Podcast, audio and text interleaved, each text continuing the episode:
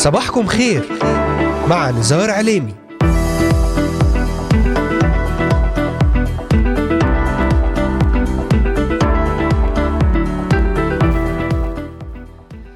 أهلا وسهلا بجميع مستمعاتنا ومستمعينا الكرام وبجميع الذين انضموا الآن لبرنامج صباحكم خير.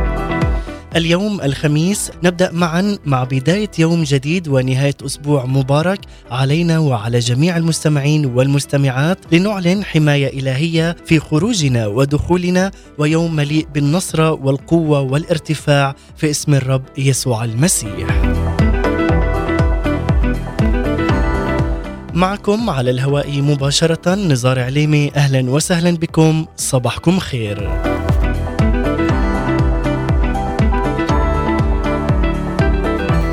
أرحب بمستمعينا ومستمعاتنا الأحباء من الأراضي المقدسة ومن بلدان الشرق الأوسط وشمال أفريقيا من سوريا، لبنان، مصر، تركيا، الأردن والعراق، ليبيا، اليمن، السعودية والكويت، من أستراليا، أمريكا، ألمانيا، كندا والذين يتواصلون معنا بشكل يومي ويتابعوننا على مختلف منصاتنا الاجتماعية لإذاعة صوت الأمل.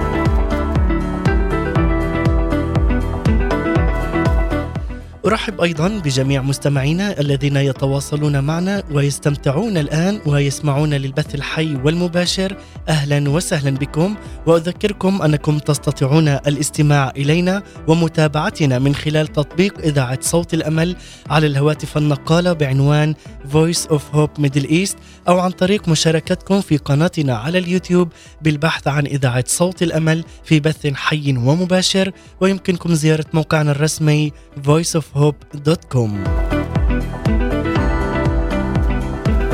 رافقونا وتابعونا واستمتعوا بكل جديد عن طريق منصتي الانستغرام والتليجرام وعن طريق منصات البودكاست على انغامي Spotify Deezer و SoundCloud لإذاعة صوت الأمل. تواصلوا معنا عبر صفحة الفيسبوك إذاعة صوت الأمل أو Voice of Hope Middle East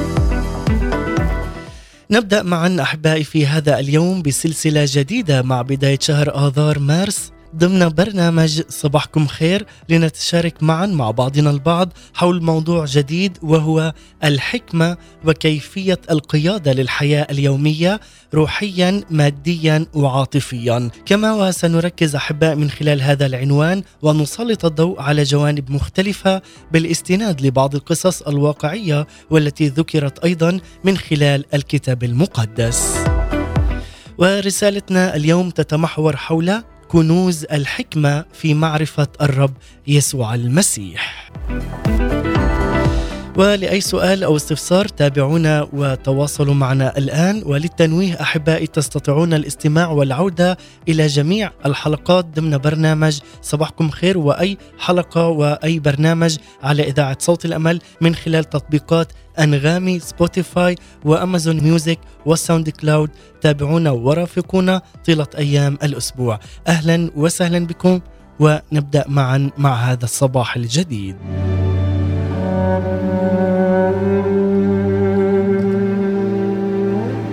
نعم أحبائي المستمعين والمستمعات في هذا اليوم كما تحدثنا سيكون محور هذه الرسالة حول كنوز الحكمة في معرفة الرب يسوع المسيح. في هذه المرحلة أحبائي من رحلتنا عبر أرض مواعيد الله. نحن مثل بني إسرائيل وهم يتحركون في أرض الموعد كما هو موضح هنا في منتصف الطريق. ومن خلال سفر يشوع فبعد أن فازوا بالكثير من الانتصارات والأراضي قال لهم الله في الواقع وقد بقيت أرض كثيرة جدا للامتلاك وينطبق هنا هذا الشيء نفسه بالنسبة لنا نحن كمؤمنين بالسيد الرب.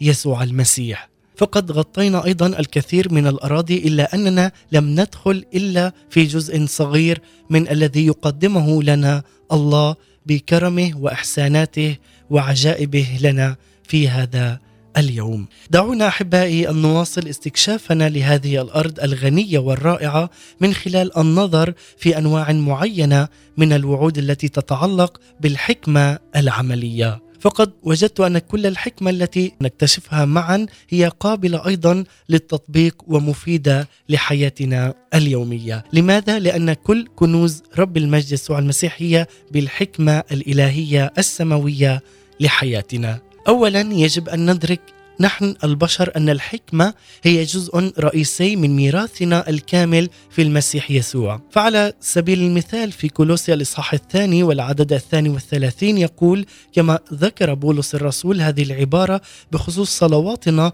نحن المؤمنين كما كانت في لودوكية وفي أماكن أخرى قائلا لكي تتعزى قلوبهم مقترنة في المحبة لكل غنى يقين في الفهم.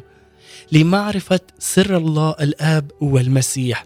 المذخر فيه كنوز جميع كنوز الحكمة والعلم. أين الحكمة؟ تخبرنا هنا هذه الآيات. جميع كنوز الحكمة والعلم هي مخبأة في يسوع المسيح له كل المجد.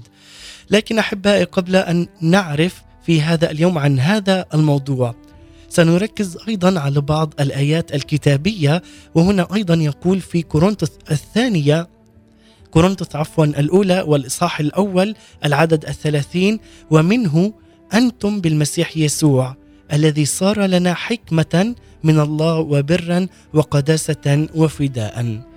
ومنه هنا إشارة أي إلى ما عمله الله أنتم في المسيح يسوع أي كل ميراثنا في المسيح يسوع الذي نمتلكه الذي صار لنا حكمة من الله وبرا وقداسة وفداء. فشخص الرب يسوع المسيح هو حكمتنا وكل حكمتنا هو فيه هو وحده فقط. لأنه هو كل ميراثنا هو أيضا البر وهو التقديس الذي يقدسنا وهو الخلاص. نجد وعدا آخر مهم بشأن ميراثنا نحن البشر من الحكمة بيسوع المسيح وذلك في يعقوب الإصحاح الأول والعدد الخامس حتى العدد الثامن. يقول لنا إنما إن كان أحدكم تعوزه حكمة فليطلب من الله الذي يعطي الجميع بسخاء ولا يعير.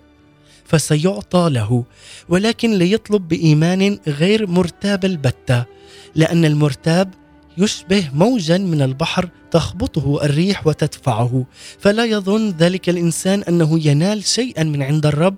رجل ذو رأيين هو متقلقل في جميع طرقه. لنعرف ونتعلم من هذه الآية هذه الحكمة السماوية. يقول لك السيد الرب إذ تعوزك هذه الحكمة فقط أطلبها من السيد الرب يسوع المسيح لأنه هو وحده الذي يعطي بسخاء ولا يعير. يعطيك حياة يعطيك بركة يعطيك نصرة وارتفاع وقوة وشفاء وهو الذي يعطي بسخاء عظيم ولا يعير أبدا. لأنه عندما يقول كلمة فهو يفعلها. لذلك عندما نطلبها نطلب أي شيء من السيد الرب يسوع المسيح.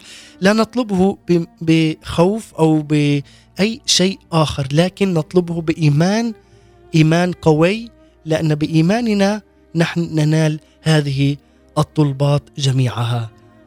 لذلك عز المستمع تتضمن وتضمنت هذه الفقرة وعدا واضحا جدا بالحكمة أي في موقف قد نحتاج إليه. كلما افتقرنا إلى الحكمة.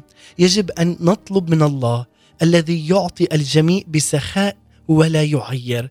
الله لا يعيرنا بسبب افتقارنا إلى الحكمة لأنه هو يعرف احتياجنا نحن البشر إليها.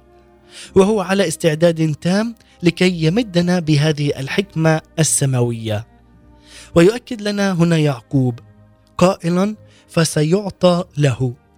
أي سيتم منح هذه الحكمة لكل شخص يطلب هذه الحكمة من السيد الرب يسوع المسيح وحده فقط عندما تتجه وتتوجه عيناك وأنظارك وأفكارك إلى السيد الرب وتطلب هذه الحكمة السماوية فهو سيعطيك هذه الحكمة بساكنة للحكمة التي نطلبها.